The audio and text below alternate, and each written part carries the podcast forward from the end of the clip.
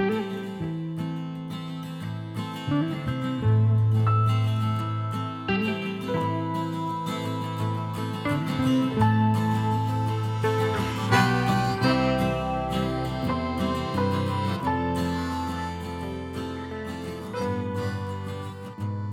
Hej och välkomna till ett nytt avsnitt av podden Ortodox kristen tro. Jag som pratar är som vanligt fader Mikael Fälthammar, präst i Kristi uppståndelses ortodoxa församling i Göteborg som hör till Antiochias grekisk-ortodoxa kyrka.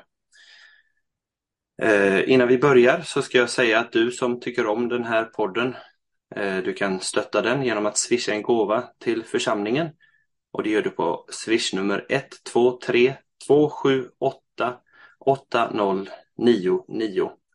Du hittar församlingen på www.kristiuppstandelse.se. Vi håller till då i Göteborg. Och eh, det är också så att den här podden sponsras av bokförlaget Artos. Och eh, nu så är vi ortodoxa här i, precis i första veckan av Stora fastan. Och då brukar vi be en bön som heter Andreas av Kretas stora botkanon. Alltså hans långa hymn om, eh, som uppmuntrar oss till botfärdighet och omvändelse. Den finns utgiven på Artos bokförlag under namnet Stora kanon, så som den läses under första veckan i Stora fastan. Andreas av Kreta och den är översatt av fader Bengt Pojanen utgiven 2016 på Artos bokförlag. Den hittar du att köpa på www.artos.se. Eh, idag så har jag med mig en gäst eh, som hör till vår församling. Det är Daniel Leandersson. Daniel, eh, varmt välkommen till podden. Tack så mycket Fader, mycket roligt att vara med. Ja, jätteroligt att ha dig med här. Eh, vi ska ju prata idag om ett ämne som vi vill närma oss med eh, vänlig försiktighet men ändå en nyfiken, nyfiken uppriktighet. Och, och du är inbjuden med ett särskilt eh, syfte. Eh, du, du är själv eh, konvertit till ortodoxa kyrkan. Jag är också konvertit en gång i tiden. Eh, jag kom från Svenska kyrkan och du själv kom närmast från romersk-katolska kyrkan. Mm. Och vi ska prata lite om, eh, om romersk-katolska kyrkan idag. En del frågetecken som har poppat upp, åtminstone hos mig, den senaste tiden. Och som jag tänker att vi ska behandla här under samtalets gång. Men jag tänkte först att lyssnarna skulle få höra lite grann om eh, vem du är, kortfattat Daniel, och framförallt om du skulle vilja berätta om din resa till den ortodoxa kyrkan. Så kanske jag skjuter in med någon fråga eller sådär här och där. Ja visst. Ehm, ja, det är väl lika bra att ta det från början. Ehm, och det är en ganska lång och hoppig resa sådär.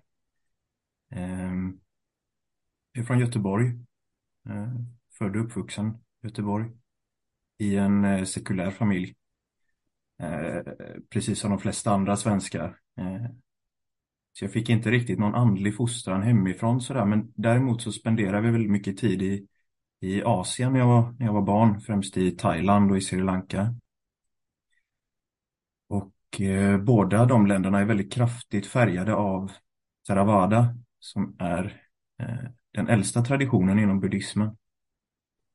Och eh, där så fungerar religionen som ett eh, kitt kan man säga som håller ihop hela samhället på ett på väldigt fredligt och harmoniskt sätt.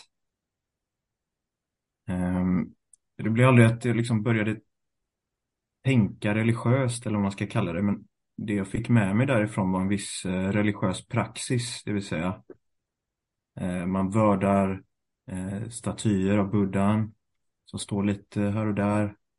Eh, man tänder rökelse i templet, besöker munkarna i klostret vid högtiderna och så vidare.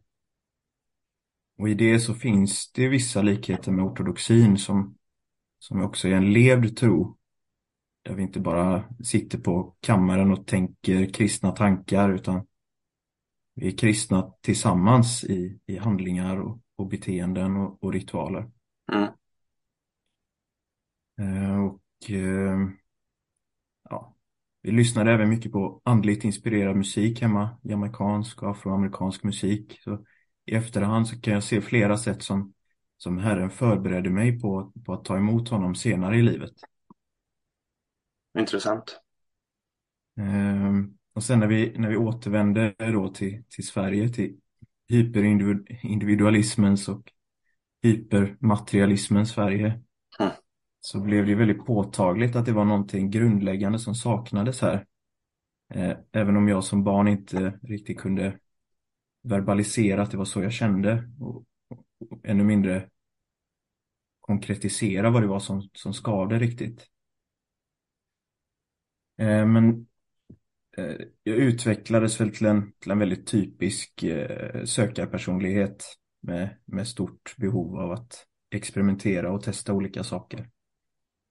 Eh, tyvärr så började jag engagera mig politiskt och eh, spenderade flera år med, med att försöka skapa någon form av hi- himmelrike på jorden och slåss mot väderkvarnar. Mm. Eh, men sen mot sena tonåren någonstans så började det sjunka in att politisk ideologi, det, det är en återvändsgränd som, som aldrig kan leda till, till någonting gott eller till ljus utan bara, det är bara misströstan och död. Ehm. Så då började jag leta efter någonting mer djupgående. Och ehm, kom i kontakt med eh, det som brukar kallas för den traditionella skolan eller perennialismen. Och René Guénon, en, en fransk eh, religionsfilosof och eh, eh, sufier, alltså mus, muslimsk sufier. Mm. Eh, och jag tyckte det var väldigt intressant för det, det finns en central tanke hos Guénon att det finns, det finns en sanning med stort S. Men för att nå fram till den så, så måste man välja en, eh, som han säger då, en autentisk tradition. Mm. Och följa den hela vägen för att nå fram då. Men, han, men han gör inte anspråk på att det finns en tradition som, som är exklusiv. Exklusivt leder fram till det. Nej, det är lite intressant. Han var ju som sagt sufier. Mm. Eh, men eh, eh, ja, det finns ju liksom en, en lite relativistisk aspekt i det här. Mm.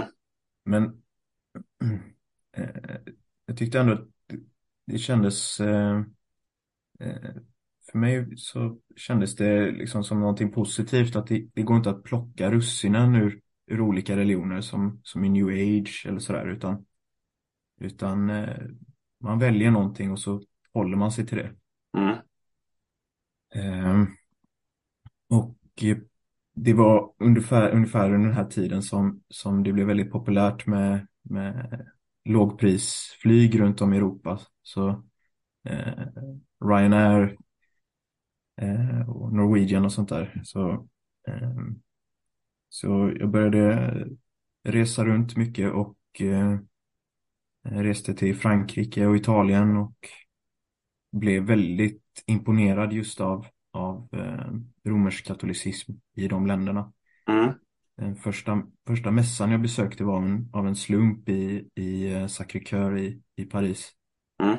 Eh, och eh, det, var, det var så otroligt vackert så jag blev väldigt intresserad. Mm.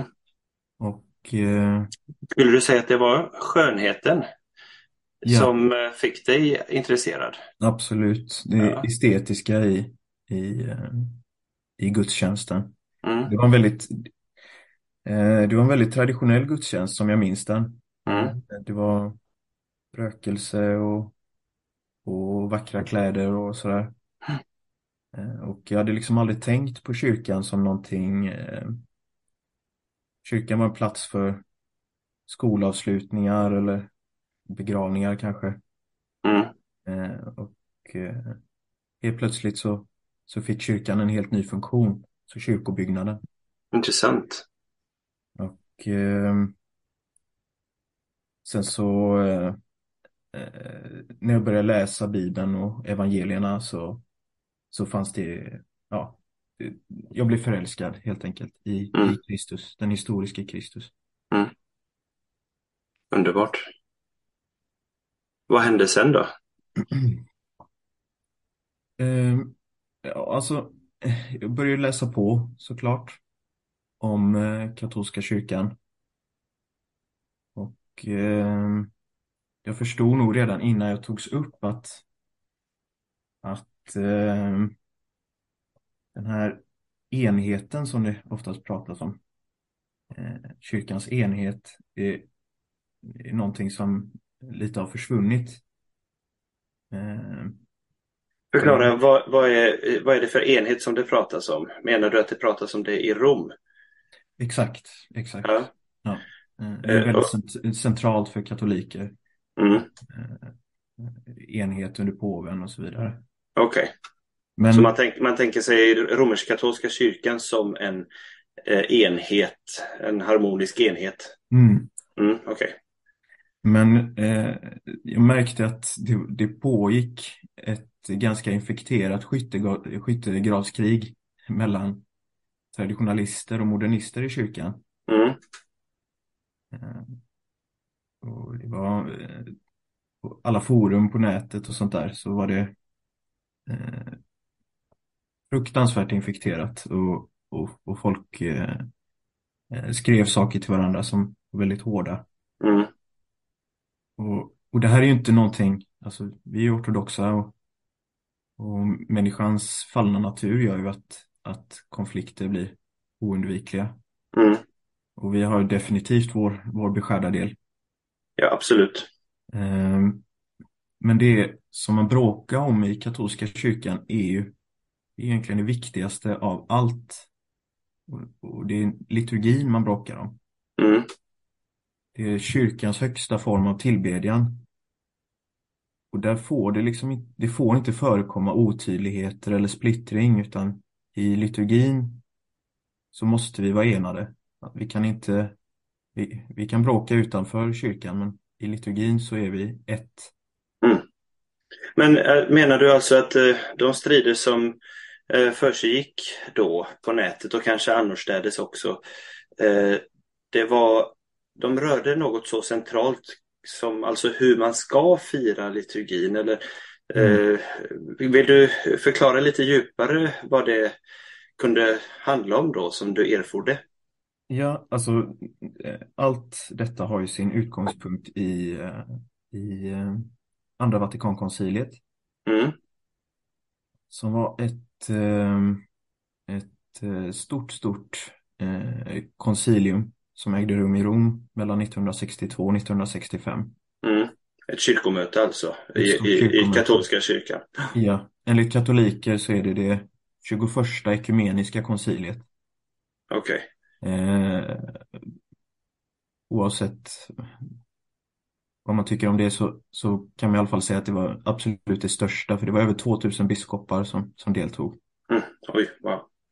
Och eh, Andra Vatikankonciliet var från början tänkt som ett pastoralt koncilium. Eh, tänkt som ett, skulle vara vägledande för kyrkan eh, i termer av hur man skulle förhålla sig till den moderna världen. Mm. Eh, men det utvecklades till och avslutades som ett, ett doktrinärt koncilium istället. Mm. Eh, Så man genomförde väldigt stora förändringar i, i ja, bland annat i synen på förhållande till andra religioner, samfund. Man gick från det här eh, väldigt strikta synen eh, som, som hade funnits innan med extra ecclesium nulla salus, alltså utanför kyrkan, ingen frälsning Mm. till att mer se det som att eh, eh, ja, men vi kan alla ha våra olika vägar till, till sanningen. Så lite så, ungefär som den perennialism som vi pratade om tidigare här egentligen då. Ja, det finns ju det finns tydliga paralleller. Mm. Ja, det- Man kanske inte gick riktigt så långt, men, men Mm. eh, eh, ja, vissa likheter finns det ju. Ja. Absolut. Ja, men jag måste säga att eh, min egen, mitt eget studium av kyrkohistoria eh, vittnar om samma sak, att man gjorde nästan en hel omvändning i relation till andra religioner och samfund Ja. mellan första och andra Vatikankonciliet. Så det är en ganska radikal förändring, vilket får mig att tänka på att eh, om, om första Vatikankonciliet var, var ett sätt att försöka närma sig moderniteten eller handskas med moderniteten på, så testade man extremt åt ett håll först. Och sen märkte man att nej, det var inte den frukt som man riktigt ville. Och så tog man Vatikanum 2 och gick ganska så far out på Mm. andra hållet. Eh, Jag vet inte om det kanske är, en, det är såklart en förenkling men det är så jag upplever det i alla fall. Mm. Eh, Jo, det var, det var, eh, det var en mycket stor förändring. Alltså även, även eh, konciliets eh, anhängare eller de som eh, ställer sig väldigt positiva till de här förändringarna Mm, erkänner att, eh, att eh, det var en, en revolution och säger det själva. mm. Det finns flera kända citat, bland annat en kardinal eh, Suenen som, som kallar det för 1789 i kyrkan. Usch, Det refererar då till, till franska revolutionen. Eh, vilket oj, oj, det var inte ett bra utlåtande kan man ju säga. Nej, och, och det finns ett ännu värre i, hos eh, en, en, en dominikansk präst, eh, en fader Yves Congar, som kallade som sa Kyrkan har fredligt genomgått sin egen oktoberrevolution. Oj, oj, oj. Nej, men kära vän, Det är ju ganska starka ord. Jag, jag, låt mig säga, jag, jag lyssnade faktiskt eh, här igår tror jag på Signumpodden Mhm. som tidskriften Signum har. Eh, och eh, en, en katolsk kulturtidskrift som eh, har en hel del läsvärt eh, ibland tycker jag. Och då hade de ett avsnitt med påven Benedikt Mm. Eh, som nyss hade gått bort. Jag tror han dog på nyårsafton. Och då pratade de om hans verk i, eller plats i andra Vatikankonciliet.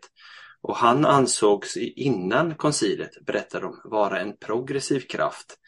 Eh, och i det ordet låg då att han ville bort från det fokus som var på första Vatikankonciliet och ville tillbaka till fäderna, alltså den här ressourcementrörelsen Mm. eh, som även Henri de Lubac och Hans Urs von Balthasar och andra var med i.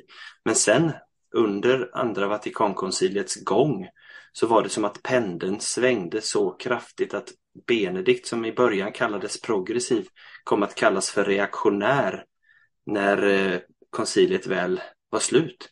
Och detta är alltså Signumpoddens egna beskrivning av, eh, av skeendet. Och det Mm. vittnar ju något om hur allvarligt och kraftigt eh, man gjorde. Jag för mig att han också sa att eh, angående liturgireformerna så var tanken att göra en stillsam reform eh, i kontinuitet med traditionen men efteråt beskrevande som just ett, ett, eh, ett brott en, mot traditionen och en rekonstruktion av något eh, väldigt annorlunda om man ska uttrycka sig så vad gäller den nya eh, liturgiformen.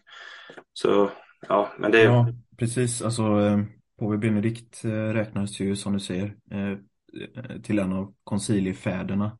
Eh, och eh, han stod bakom många av de förberedande dokumenten till konciliet. Det fanns också, alltså ur ett eh, ortodoxt perspektiv så fanns det en, en positiv sida i att, eh, ja, som du säger, att man försökte frångå första kon- Vatikankonciliets ganska extrema påvliga maktcentralisering till förmån för en mer decentraliserad eller som man kallar det kollegial struktur. Och man, man medgav att det var mer i linje med hur kyrkan var strukturerad under det första årtusendet. mm, Ehm, Men det, just det, det formuler, eller formaliserades aldrig riktigt i något eh, bindande dokument. Så, Mm. ehm, det, Jag tror vi kommer att komma tillbaka lite grann till de här och, och eh, du, nu är du inne och snuddar på ett ämne som också är dagsaktuellt, nämligen synodalitet. Men jag tror vi kan återkomma till det kanske lite senare ehm, Ja. och for, fortsätta prata om det. Men eh, hur eh, de här diskussionerna fanns, men du blev ändå, du valde ändå att fortsätta att eh, gå vidare med din tro som du hade föresatt dig att eh, för, vad ska man säga, tillägna dig Ja, i, i den romersk-katolska kyrkan. ja. Eh, ja, jag såg väl att eh, påve Benedikt den 16 som var påve under den tiden eh, jag, uppfattade att han, att han förstod problemen och eh, gjorde vad han kunde för att mildra motsättningarna. Eh, han skrev bland annat eh, det här Summorum Pontificum som är ett väldigt berömt eh, motoproprio eller apostoliskt brev från 2007. Där han halvt återställer den gamla mässformen. Det var en väldigt eh, central del i, i Andra Vatikankonciliet. Eh, alltså Andra Vatikankonciliet resulterade bland annat i att man på det liturgiska området eh, uppfann en helt ny mässa, en helt ny mässform. Mm. Och så småningom förbjöd den gamla, om jag förstod saken rätt. Det stämmer, ja. Eh, eh, och eh, i den gamla så, den gamla mässan firas ju eh, då ad orientem som man säger, alltså med prästen vän mot altaret. Eh, en, väldigt tydlig offersymbolik. Man gick till att fira den istället eh, på eh, versus populum som man säger, alltså vän mot folket. Mm. Inspirerad av, av den protestantiska kyrkan. Mm. Man gick från latin till folkspråk. Det är inget större problem med det. Men det som jag alltid haft problem med är utdelningen av kommunion i handen. Eh, som man införde då också. Mm. Eh, och, och, det har jag eh, alltid haft svårt att begripa för om man verkligen tror på transubstantiationen, att, att Kristus tar plats i, i hostian, i kommunionen, att då dela ut den eh, till, eh, till folket i, i handen har alltid känts, eh, det har alltid skavt väldigt mycket hos mig. Mm. Eh, men det påve Benedikt gjorde var att han, eh, han delade in mässorna i, han, han förde in den gamla latinska mässan i kyrkan igen. Och eh, han liksom gjorde en, en uppdelning, han kallade det för mässans ordinarie form och mässans extraordinarie form. För den gamla latinska mässan var i den extraordinarie formen. Just det. Eh, men eh, för mig, alltså för mig så, min ståndpunkt i det var hela tiden given eftersom eh, jag alltid haft svårt för, för den nya mässan. Mm. Får jag fråga, från det att mässan förbjöds, den, den extraordinära då, eller den gamla riten, jag tror att den förbjöds 69 eller något sånt där, och fram till 2007 sa du? Eh, ja, precis. precis. Eh, vad fanns, levde den här mässan eh, på något sätt i kyrkans liv då? Som en tillåten gudstjänstform i något sammanhang? Eh, inte vad jag vet. Eh. Alltså, vi pratar ju nu 60-70-tal. Eh, Mm. Det, det, ja. Mig veterligen så, så fanns det ingen, ingen grupp inom kyrkan som använde den gamla formen. Okej. Däremot så fanns det en grupp eh, som vi kanske kommer till sen då, SSPX, som stod Mm. halvt och sen helt och sen halvt igen utanför kyrkan. Okej. Eh, men eh, så som jag såg det så, så var det här en, en kamp mellan, eh, mellan, mellan gott och ont. Ehm, och eh, det är en evig kamp, men jag såg det som att nu har den här kampen letat sig in i kyrkan och jag, jag måste delta i detta. Jag måste eh, ge mig in i kyrkan och, och göra vad jag kan för att, för att eh, ställa saker till rätta eller, eller, eh, eller hur man nu ska se på det. Mm. Det, jag vet inte, jag tror att det är en, det är en ganska ohälsosam inställning för en, för en nybliven kristen att ha. Mm. Mm. Eh, men det förstod jag inte riktigt eh, då. Mm. Just det. Ja, ja, men jag kan bara tänka mig Tänk dig själv om någon, om patriarken av Konstantinopel skulle få för sig, inte för att han har den makten, men bara för att, for the sake of argument, om han skulle komma och förbjuda Johannes Chrysostoms gudomliga liturgi Mm. och säga här, nu ska ni fira den här istället och så är det något helt annat. Mm. Det hade ju orsakat enorma sår i människors liv. Det hade varit Ja, alldeles alltså- omöjligt.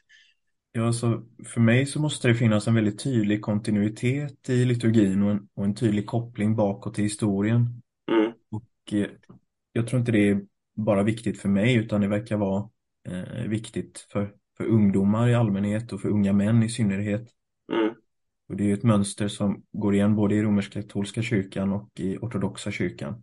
mm, Att eh, vi ser att, att eh, det, det är de eh, eh, traditionella kyrkorna och ordnarna som, som lockar till sig unga män mm.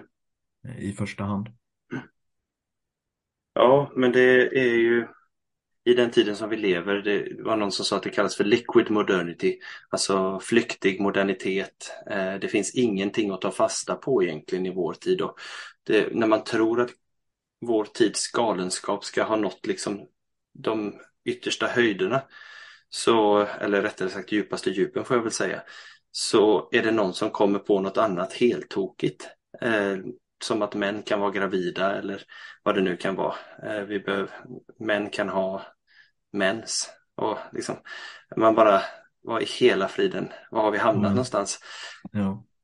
Eh, så att, eh, ja, längtan efter traditioner och stabilitet kan man ju förstå verkligen utifrån det, vår samtid. Mm. Ja, men du gav dig in där eh, lite grann för att försöka försvara eh, traditionen och, och, eh, och då det tog sitt främsta uttryck i försvaret av den gamla gudstjänstordningen och att, försöka få tillbaka den Mm. eh, i kyrkans liv. Vad hände sen då? Eh, ja, alltså den församlingen jag tillhörde här i Göteborg eh, Mm. var ganska, var ganska traditionell eller tog traditionen på, på stort allvar.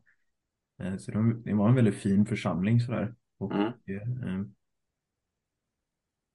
Eh, jag trivdes väl egentligen ganska bra, men, men ju mer jag såg eh, förödelsen när jag, när jag reste till olika katolska länder och gjorde pilgrimsresor och så såg jag att det här är eh, ja, det är eh, det är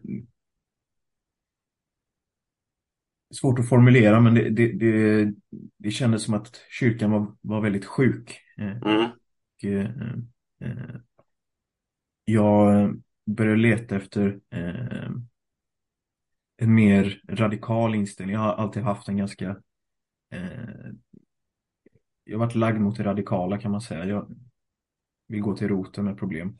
Mm.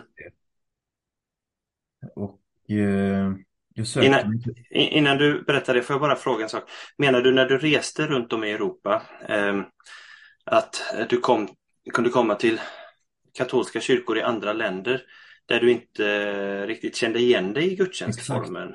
Okej. Exakt. I, i, Mm. I Sverige är det en sak, men åker du till Frankrike eller, eller till Italien och går till en katolsk kyrka eh, så förekommer alla möjliga eh, liturgiska missbruk.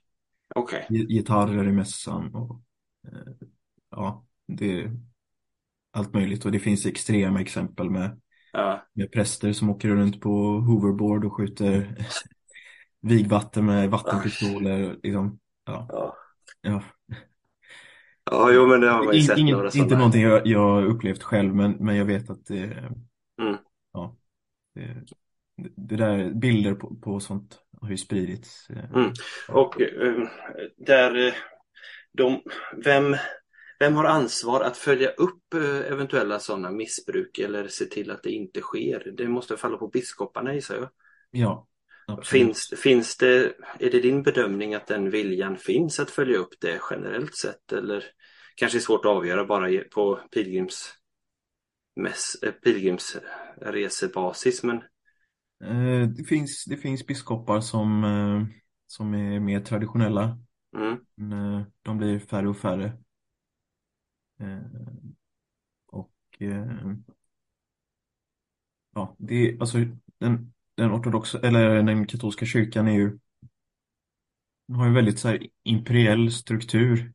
Mm. Alltså pyramidform eh, med påven längst upp och, och eh, eh, kardinalerna, eh, kardinalskollegiet, biskoparna och så vidare. Mm. Det är ju beroende, det är väldigt beroende av vem, vem som sitter i toppen. Mm.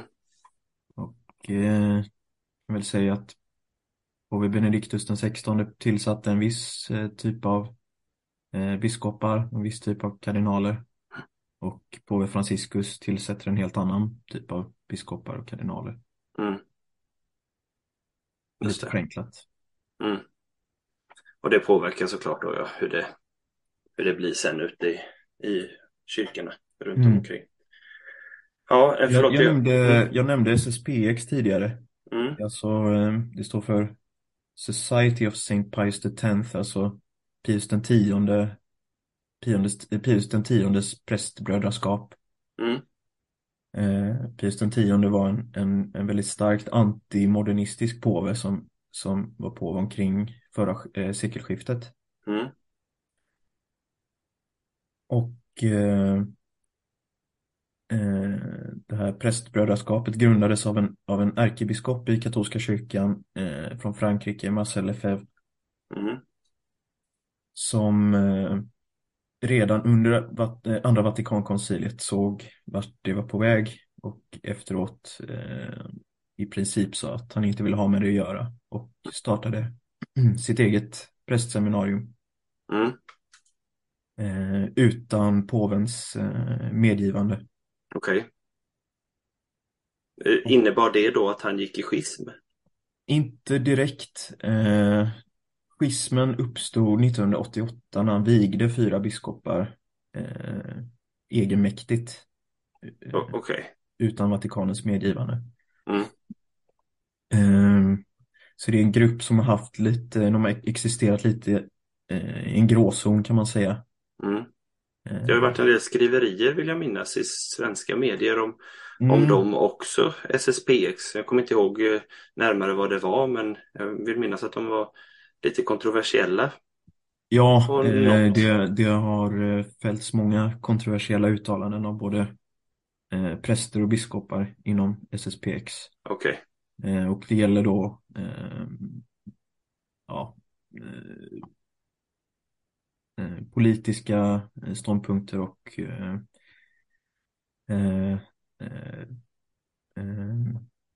förintelsen eh, ifrågasattes väldigt berömt av eh, biskop Bishop Williamson, Richard Williamson, Aha, oj, som, oj, som eh, Svenska Uppdrag granskning eh, eh, rapporterar om.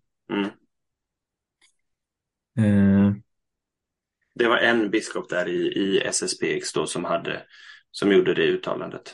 ja, precis. Men det var inte de som grupp som Nej, eh, eh, nej, det var det inte. nej, nej. Och, eh, jag kom i kontakt med dem och eh, började fi- fira liturgi tillsammans. Mm. Alltså de finns representerade då i Sverige. De finns, det är en jättestor grupp. De är en jätte, jättestora eh, och finns Ja. i hela världen Okej. och även i Skandinavien. Ja. Eh, Och eh, under min tid med dem, jag, jag upplevde det som väldigt fromma och eh, gudsfruktiga människor.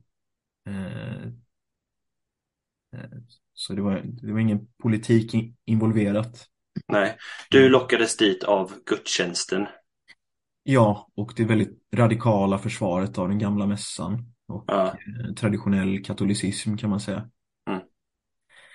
Eh, eh, och med stora menar jag att de har liksom hela samhällen i, i Frankrike och i USA, Kanada, England med egna skolor och egna verksamheter av olika slag.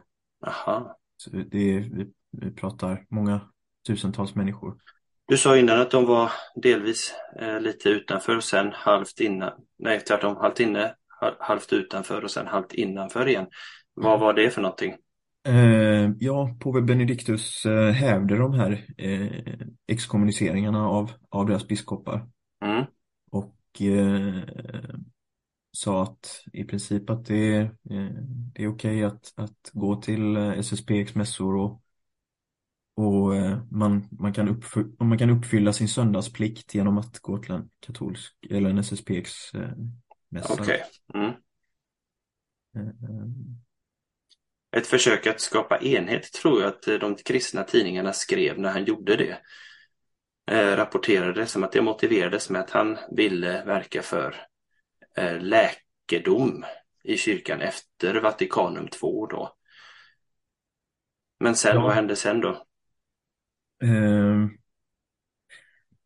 ja, men det, även om det är en stor rörelse så är det en, en, eh, en, eh, en rörelse som, som arbetar i konstant eh, motvind och får, hela tiden får det tuffare och tuffare Mm.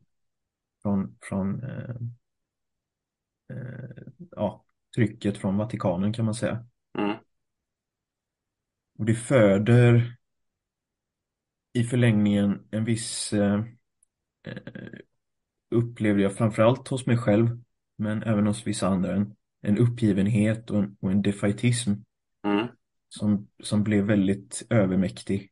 Eh, och eh, det finns vissa som går vidare från det till, till ännu mer radikala eller ännu mer eh, hårdföra rörelser som, som eh, sedevakantister som, som vägrar erkänna att eh, någon påve sen, sen eh, innan Johannes den 23 som, som initierade andra Vatikankonciliet ens är legitima påvar. Mm. Så sedevakante, alltså eh, sede stolen, Petrusstolen i Rom, vakant, att den skulle vara eh, det, är, det är ingen som, som legitimt besitter den för tillfället. Och det blir att många eh, eh, nästan inväntar som en ny syndaflod eller att eh, nu är det nu, nu lever vi i de sista tiderna och Mm. eh, liksom hade inte riktigt något, kände inte riktigt något hopp till eller en tilltro till att den helige ande ledde kyrkan. Mm. Så eh, till slut blev det att jag, eh, jag lämnade alltihop under, under ett antal år. Eh, Mm. Jag lämnade inte min kristna tro men, men eh, jag slutade gå i kyrkan helt och hållet under en period. Okej, wow. Mm. Och eh, eh, hur eh, fick du någon som hörde av sig då och liksom kollade eh, vart är du och eh, hur går det för dig och, och sådär under den perioden?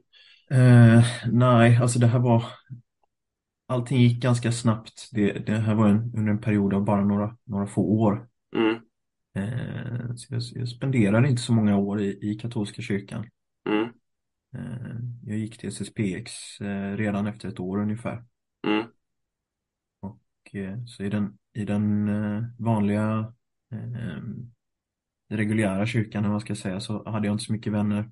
mm, okej. Och eh, ja, när jag bröt med, med eh, SSPX så, så fanns det inte så mycket kontakt kvar.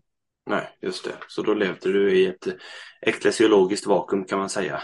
Verkligen. Om man ska uttrycka sig eh, onödigt krångligt. Eh, ja, nej men eh, väldigt intressant. Särskilt detta att det var gudstjänsten och vördnaden för gudstjänsten som fick dig att gå den vägen som du gick. Det tror jag att eh, få som, eller jag tror att det är viktigare än eh, vad många eh, inser. Mm. Därför att man kanske tänker sig att gudstjänst och liturgi är döda ritualer. Och, och det, den äkta gudstjänsten ska vara spontan och, och personlig och, och em, emotionell. Att, att det ska kännas på ett särskilt sätt. Eh, men tvärtom, min upplevelse när jag blev ortodox har ju också mycket att göra med just kärleken till liturgin. Och att Mm. liturgin har ett eh, funktion är min erfarenhet alltså. Att eh, den för mig framåt på frälsningens väg. Och särskilt jag som präst som får välsignelsen att stå och läsa alla underbara böner som bara prästen Ja. läser. Jo, det är är, liksom- ju liturgin, allting kommer samman. Eh, Mm. Alla, alla våra personliga böner som vi ber under veckan Det är som att de mm, liksom strålar samman under, under liturgin. Exakt. Det är ett stort credo. Eh, det, det är underbart att vara en del utav. Ja, verkligen. Eh, och, och just därför så är, är liturgin så viktig och det är ingenting vi kan eh, börja tumma på eller, eller förändra hur som helst. Mm. Nej, precis. Um, vad, eh, sen efter några år då i, um, i detta eklesiologiska vakuum, vad, vad fick dig att återigen börja söka efter en kyrklig tillhörighet och, och uh, hur gick den resan till? Eh, jo, men jag, alltså jag, jag, kände egentligen hela tiden till ortodoxa kyrkan. Eh, och, och jag eh, liksom var ju slagen av, av skönheten i ortodoxa kyrkan. Jag eh, älskar att kolla på alla videoklipp och, och foton och sånt där som jag kunde få tag på. Från gudstjänster på Atos och så vidare. Eh, men eh, i Göteborg så fanns det inte då vid den tidpunkten när jag, när jag blev kristen eh, så fanns det egentligen inga gudstjänster och ingen information på svenska att tillgå. Eh, utan det var väldigt knapphändigt och jag hade väl inte heller riktigt eh, ens hört eller förstått att jag behövde gå in genom den trånga porten för att citera Matteus evangeliet. I katolska kyrkan var ju allt på svenska, alltså mässan var på svenska och, och, och troskursen eh, var, det var liksom bara eh, highway rakt in. Eh, massvis med litteratur. Eh, fantastiska författare som Sven Stolpe och eh, Gunnel Wallqvist och, och Tolkien och så här.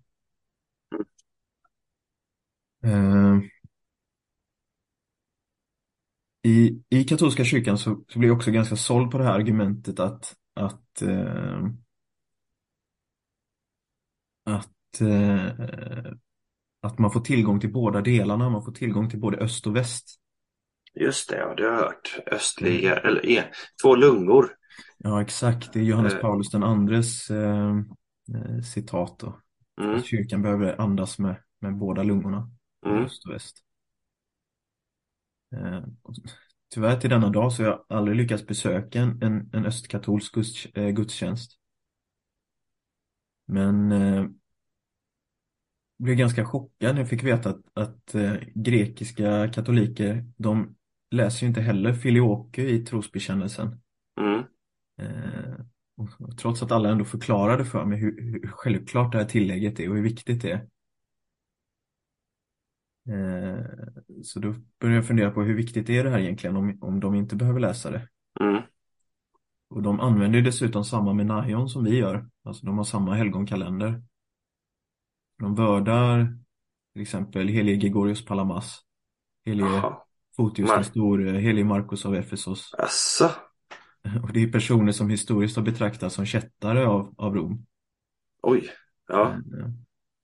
Och, eh, eh, igen då, det, det liksom faller tillbaks på den här enheten. Eh, enheten är inte trosmässig utan enheten är egentligen bara centrerad kring påven. Alltså strukturell då? Egentligen ja. hierarkiskt strukturell. Ja. Så länge du är i relation till påven så. Så mm. alltså SSPX då som så att säga ger uttryck för en Vatikanum 1 eh, variant av romersk katolicism om man ska förenkla det lite. Mm. Men som har klippt banden med påven. Eller om det är påven som har klippt med dem, det vet jag inte. Men eh, de, de är exkommunicerade då medan så länge en grekisk katolik eh, åminner påven i sin liturgi men även firar helgon som fördömer påvedömet så att säga i dess mm. nuvarande mm. form så är de ändå i kommunion med Exakt, exakt. Rom. Okej, okay, ja. Det, det är en, det är en eh, jag uppfattar det som en enhet som är mänskligt konstruerad. Mm. Inte någonting som kommer från Gud. Eh, nu, eh, nu svarar jag inte riktigt på din fråga. Eh, kommer in på lite avstickare. Men Men jag hade väldigt tur för jag hade en, en, en vän, en, en gemensam vän till oss båda två. Mm, Eh, Kim Petrusson. just det. som var, eh, var både ortodox och vi hade lite samma bakgrund. Han hade också bott i Thailand och eh, han var väldigt tålmodig med att förklara tron för mig. Och eh, han gav mig väldigt många insikter. Och Mm, eh, eh, vid ett tillfälle så tog han med mig till, eh, till påskfirandet i, eh, i klostret i, i Bredared. mm, Och eh, det var ju någonting eh, eh, Ja, det var en väldigt stor upplevelse. Eh, en, en väldigt, eh, en, en, en sån påtaglig eh, gudsnärvaro som jag aldrig tror att jag upplevt innan. Mm. Och också den fysiska ansträng, ansträngningen i att stå upp i väldigt många timmar. mm, Eh, eh, som jag inte alls var van vid. Eh, men som jag efteråt kände att nu har jag verkligen varit med om någonting. Eh, jag har inte, jag har inte bara suttit och lyssnat på någon som pratar utan jag har verkligen deltagit i någonting här. Och, och varit del i någonting som, som är större än jag själv. Ehm, och där, det där, liksom, det finns absolut, alltså jag ska inte, liksom, vill inte förta eh, eh, den, den traditionella latinska mässan som, som jag också tycker om väldigt mycket. Men det, det, det är ändå olika, olika fokus på något sätt i våra respektive gudstjänster. Eh, och du hade ju ett, ett avsnitt av podden för några avsnitt sedan eh, om eh, frälsningsläran. mm, Eh, väldigt bra. Eh, vi, vi har ju liksom olika uppfattningar om, om eh, vad frälsningen består i. mm, Katoliker ser ju frälsningen som framför allt att, eh, att Kristus genom sin korsfästelse och död friköpte oss från en, från en skuld vi hade. mm, precis. Så korsfästelsen och, och döden är väldigt mycket i, i fokus. Det, det, det är mycket... Jag upplever eh, den katolska mässan lite nästan som en, som en väldigt finstämd begravningsmässa. Den är väldigt, den är, den är väldigt vacker men också sorglig på, på sitt sätt. Ja, Och den ortodoxa liturgin är, är eh, eh, har ett annat fokus på, på uppståndelsen och på glädjen i uppståndelsen. mm, Eh, det var någonting som verkligen eh, som, som mm, attraherade mig väldigt mycket. mm. Den segrande Kristus, ja precis. Det minns jag när jag själv höll på att bli Oj, ursäkta. ortodox. Em, när jag höll på att bli ortodox så eh, var det någon som gjorde jämförelsen att eh, även i Svenska kyrkan så fanns det ett fokus på den lidande Kristus i Mm. ganska hög grad. Och det är ju inte så, det är ju väldigt naturligt eftersom Svenska kyrkan är ett barn av eh, medeltida romersk-katolsk tro. Mm. Men, men medan man i frikyrkan har haft ett mer fokus på den segrande Kristus. Det är vanligare med tomma kors till exempel i, i frikyrkobyggnader runt om i landet och så vidare. Och Just den här personen i fråga eh, påpekade det att ja, men där finns en likhet mellan den frikyrkliga fromheten och den ortodoxa fromheten faktiskt. Fokus på den segrande eller den uppståndne Kristus. Det var Mm. lite int- intressant att se. Ehm, det brukar jag tänka på ibland fortfarande idag. Men det är precis så som du säger att man har det fokuset. Ehm, det, och det har jag gjort ett helt, eller två avsnitt om eh, ganska nyligen. Det kan man fördjupa sig i om man vill där. Min upplevelse är att man har efter Vatikanum 2 så har man tagit in mer igen eh, fädernas tal om gudomliggörelsen som är, att, att komplettera det mera medeltida juridiska försoningsläran. Eh, man, man, man har nog kanske, som jag ser det, lite kommit underfund med att eh, den, den där är inte riktigt tillfredsställande i vår tid. Eh, och så går man tillbaka till fäderna. Eh, s- men jag, jag vet inte om det är en korrekt beskrivning av historien. Eh, ja, men det, det kan nog stämma. Mm. Ja, men du var på, där på Heliga Treenighetens kloster och hade den här eh, fina upplevelsen på påsk. Vilken dag och var där på första, sin första liturgi, påsknattsliturgin. Eh, eh, vad hände sen efter det då? Eh, ja, men sen eh, jag förstod väl att det, det, det dröjde ett tag innan jag eh, tog steget och faktiskt blev ortodox. För att jag insåg att jag, jag befann mig i ett tillstånd av att eh, jag ville fly iväg från någonting. Jag, det var en, en, negativ rörelse. Och eh, jag insåg att om jag ska konvertera till ortodoxa kyrkan så måste, jag, så måste det vara en positiv rörelse. Det måste vara eh, en rörelse av, av kärlek och av, av eh, längtan till, till någonting. Mm, det är så viktigt. Det kan mm. inte nog understrykas. Annars så blir det aldrig att det bottnar riktigt. Nej, eh, så jag lät det ta, ta några år. Eh, och det var väl först faktiskt med, med covid-pandemin som polletten till sist föll ner. Att jag har inte all tid i världen och eh, det var dags. Mm. Och jag är väldigt glad och tacksam för. Att, att du tog det steget, ja just det. Ja, det är vi också i vår församling som har fått eh, glädjen att ha dig i vår skara. Tack. Eh, Tack. Mm. Men ja, väldigt fint att få höra. Jag hoppas att det, lyssnarna ska ha nytta av den, din berättelse här av, av din resa också. Stort tack för det. Ehm, om, det finns ju en vanlig upplevelse mm, eh, ibland. Jag vet inte om du har haft den erfarenheten. Eller vi kan ta det först. Hur, vad hade du för reaktioner av eh, gamla eh, katolska vänner och kontakter efter att du hade blivit ortodox? Har du fått någon, eh, någon eh, respons liksom på det? Spontan eller? Eh, ja, viss respons har jag fått. Mm. Och det var somliga som blev väldigt besvikna och upprörda. Um, jag tror att det, det finns en det finns en känsla av att man sviker om man lämnar och, och, och att, att det blir någonting personligt. Uh, att man tar det personligt. det handlar inte om den större strukturen eller de stora problemen i kyrkan utan som att man lämnar en gemenskap. Och det är alltid mm. det som är svårt. Eh, men samtidigt så, eh, som jag sa, det var länge sedan nu jag var aktiv i katolska kyrkan. Mm. Eh, så att folk som går direkt har nog, känner nog av det där mer än vad jag gjorde. Okej, okay. Just det, som inte befinner sig i detta, denna vakuumsituationen då emellan. Nej, exakt, mm. exakt.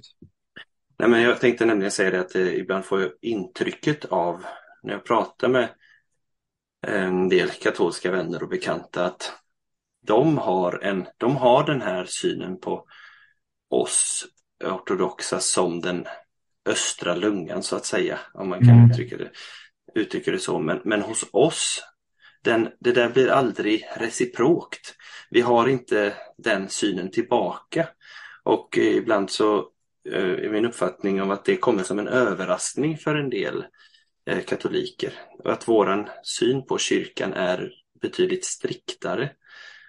Och vi har inget intresse av att liksom eh, ja, släta över eventuella skillnader utan jag upplever det ofta som att vi ortodoxa vill eh, tala sanning om de problem som finns mm. eh, mellan våra kyrkor. Sen finns det ju klart de som är en del som är mer ekumeniskt inriktade också kanske, men de har i ärlighetens namn sällan fått särskilt mycket gehör um, i den stora ortodoxa kroppen av troende, om man ska uttrycka sig så.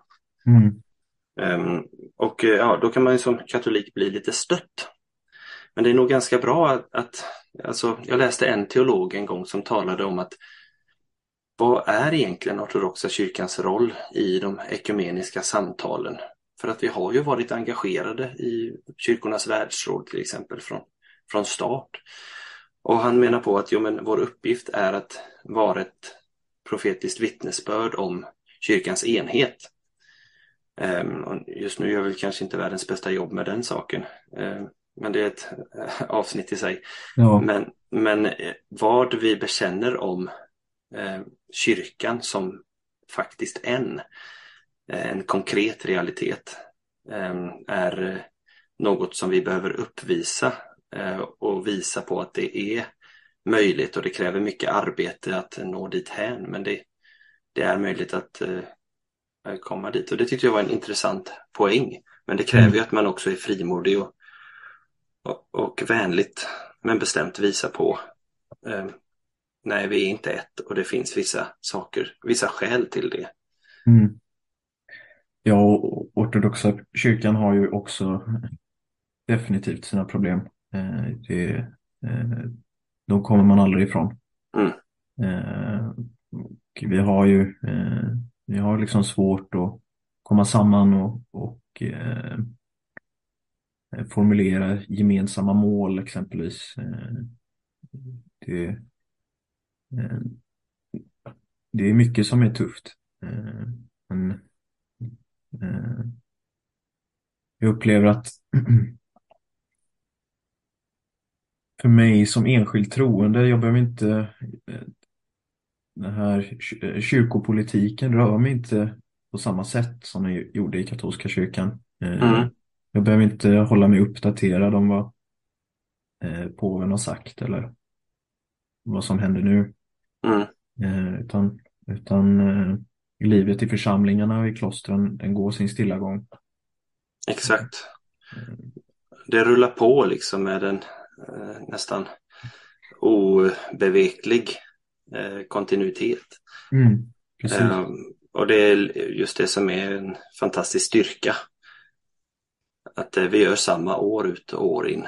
Mm. Och det fortsätter även om någon biskop går och gör något tokigt någonstans åt varken åt vare sig det är höger eller vänster liksom så ja men strunt samma vi, vi fortsätter med det som vi alltid har gjort. Men det är ju för att vi har förankrat livet så väldigt tydligt i det liturgiska. Ja. Eh, och det är väldigt, eh, det är en styrka. Mm. Nej, men när, när, du säger detta att eh, det, du som troende inte påverkas av eventuella sådana här saker. Det är ju gott att höra men och då blir jag, för att koppla tillbaka igen till eh, romersk-katolska kyrkan så läste jag också återigen i eh, Signum faktiskt då var det, um, då är det de, de håller på med den här synodala processen nu. I, eh, som, ja, eh, jag ska inte gå in närmare på, men man vill ju försöka få mera inflytande från hela kyrkan, är det sagt, i, i romersk-katolska kyrkan och därför vill man engagera lekfolket i, i beslutsprocesser och så vidare. Eh, och eh, där så skrev de i signum att det i Tyskland har slått så snett att eh, där har man kommit fram till att man vill avskaffa prästämbetet. Eh, alltså, jag tycker detta är helt otroligt och nu så ska man ju säga att det har Vatikanen gått ut och sagt att nej, men det är ju helt orimligt att ni far fram på detta sättet. Men bara en sån sak att ett så stort katolskt land som Tyskland att en sån tanke kan få rot och vinna gillande och nå så långt fram i en demokratisk process att det föreslås på officiell nivå. Det skulle jag uppleva som lätt omskakande om jag var en katolik själv.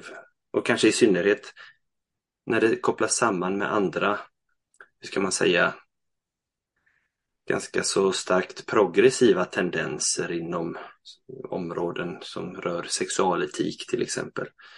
Eh, så blir det eh, lätt Ja, jag har frågor kring hur man står stadigt eh, som katolik när det skakar ganska högt upp i kyrkans struktur. Vad, vad, har du för, har du något att säga om det? Ja, det är inte lätt mig, alltså jag som är en ganska reaktiv person sådär så jag valde ju att liksom gå till en, en, eh, ganska radikal traditionell grupp. Mm.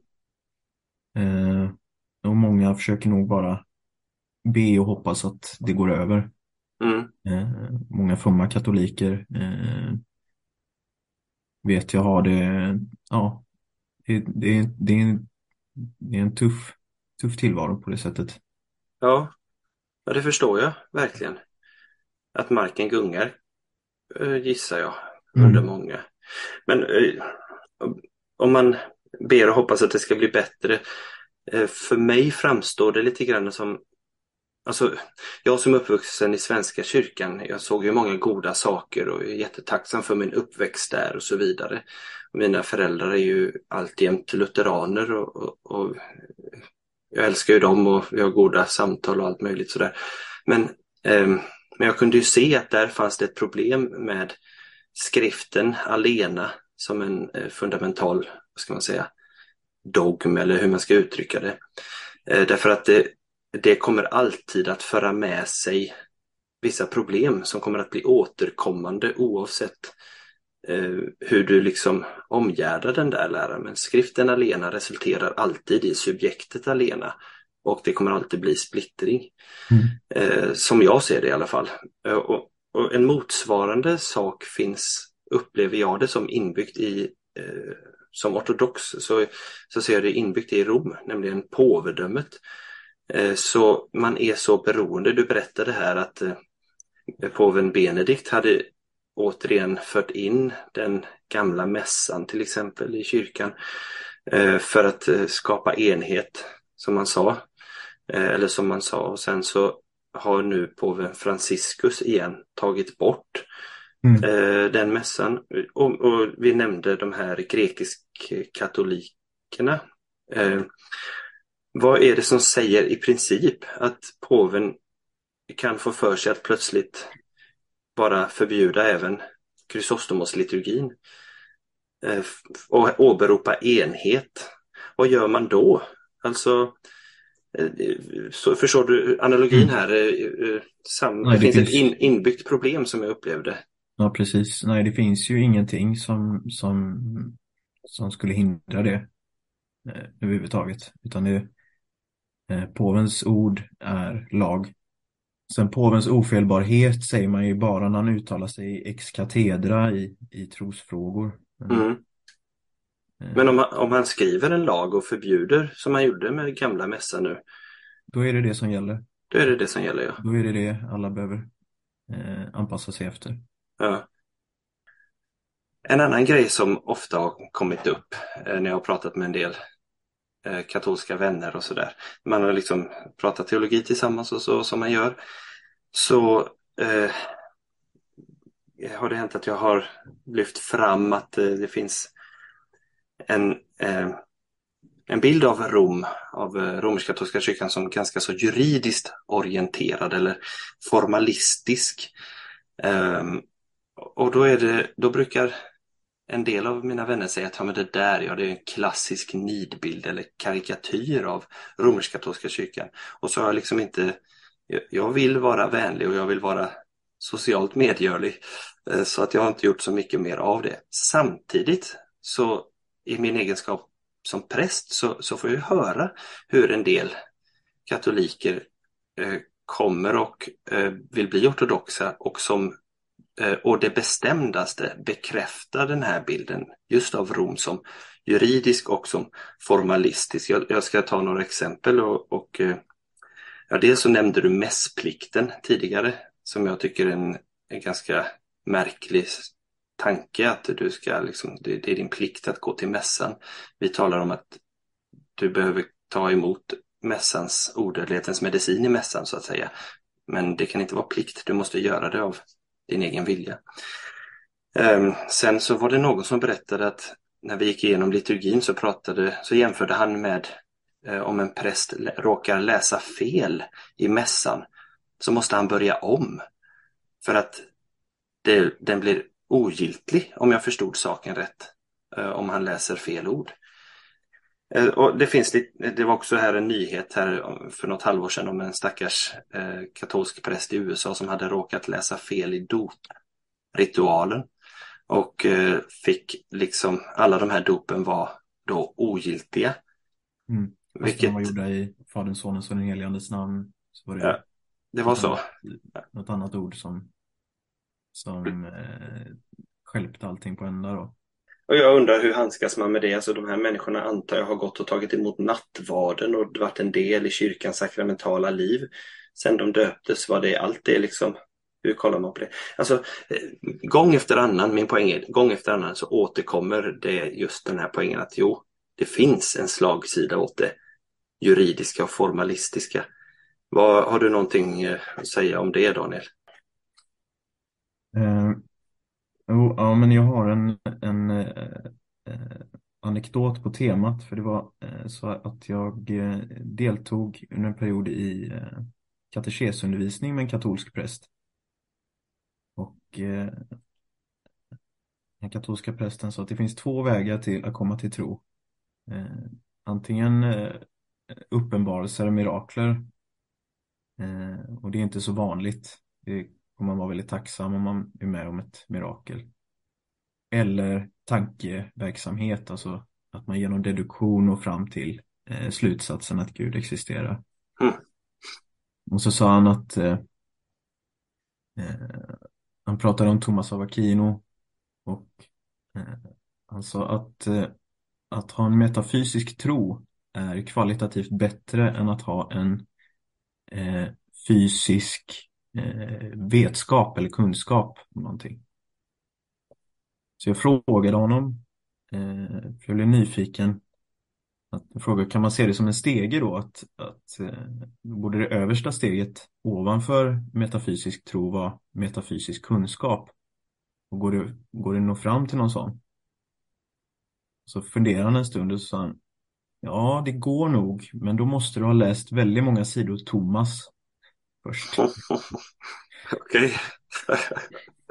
det, var, det är ganska roligt från ett, ett eh, ortodoxt perspektiv. Ja, verkligen. Det, är ju, det sätter ju verkligen fingret på en annorlunda sätt att närma sig kunskapen om Gud. Mm. Det, det är ju, vi talar ju om de gudomliga energierna som kommer bedjaren till del på ett, eh, som den högsta kunskapen om Gud så att säga. Eh, gåvor från Gud som kommer verkligen till, det kan komma till den enklaste gumman på landsbygden på den ryska taigan och till också men kanske mer sällan till den välutbildade teologen.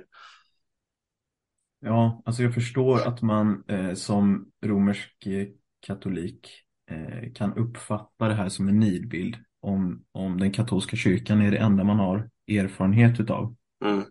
Eh, katoliker pekar gärna på att visst, det finns grupper som är väldigt analytiska och dissekerande som dominikaner och jesuiter. Men det finns också mer esoteriska kontemplativa ordnar som karmeliter och benediktiner. Och mm. är man intresserad av mysticism så kan man välja att fördjupa sig i spiritualiteten hos någon av dessa. Eh, det här är ju väldigt främmande också för en ortodox att, att mystiken skulle vara preferensbaserad. Ja, verkligen. I och med att all vår teologi är ju i grunden mystisk. Exakt. Ja, det var verkligen intressant för att eh, det vet jag andra som har sagt också som har kommit från Rom och, och som sagt att eh, andligheten är lite så att säga uppdelad erfordom i olika grupper kan man säga. Mm. Och eh, som du beskriver det att vill du, vill du ha det mystiska så går du dit och vill du ha aktivism så blir du jesuit och vill du ha, studera akademiskt så är du dominikan eller vad det kan vara. Eh, och eh, ja, men, ja, det är lite skämtsamt såklart men, men eh, samtidigt så eh, mellan de här olika grupperna så råder väl ofta en hel del stridigheter och bråk och eh, fundera på hur verkligt katolskt det är eh, i den typen av uppdelning. Upp, vi har ju mm. inte det, alltså det, det, blir tydligt när man jämför med klosterväsendet. Så eh, det är väldigt vanligt att man talar om olika ordnar inom väst. Men, men hos oss i ortodoxa kyrkan så är man ju munk eller nunna helt enkelt. och så går man under lydnad till sin lokala eller sin eh, andliga fader i Mm. klostret där man lever. Mm. Det är ens orden, orden så att säga. Ja, och det finns också en, en stor kontrast i om man tittar på hur den här katolska mystiken tar sig uttryck. Mm. Eh, jag, jag tänker på eh, en bok av Ignatius av Loyola Mm. eh, som heter Andliga övningar som är eh, väldigt berömd och och används väldigt flitigt fortfarande Mm. idag. Han, han var ju Mhm. förvisso grundare av just jesuitorden. Men den här boken brukar ses som ett exempel på en mystisk trend inom katolska kyrkan under tiden för motreformationen. Ja. Andra exempel är till exempel då Teresa av Avila, Johannes av Korset med flera. Ja. Och andliga övningar bygger på att man eh, under en period om fyra veckor eller en månad eh, mediterar över eller kontemplerar olika teman som Jesu liv och helst i form av en reträtt avskild från världen. Mm. Syftet är att bättre kunna avgöra vad som är en moraliskt riktig kontra vad som är en moraliskt felaktig handling. Mhm. Och även här blir ju kontrasten påtaglig för vi som ortodoxa, vi undviker alltid att fantisera eller föreställa oss saker i, Japp. i vårt andliga liv. Ja. Eh, vi, vi försöker istället stilla våra tankar för att möta Gud i, i hjärtat. Mm.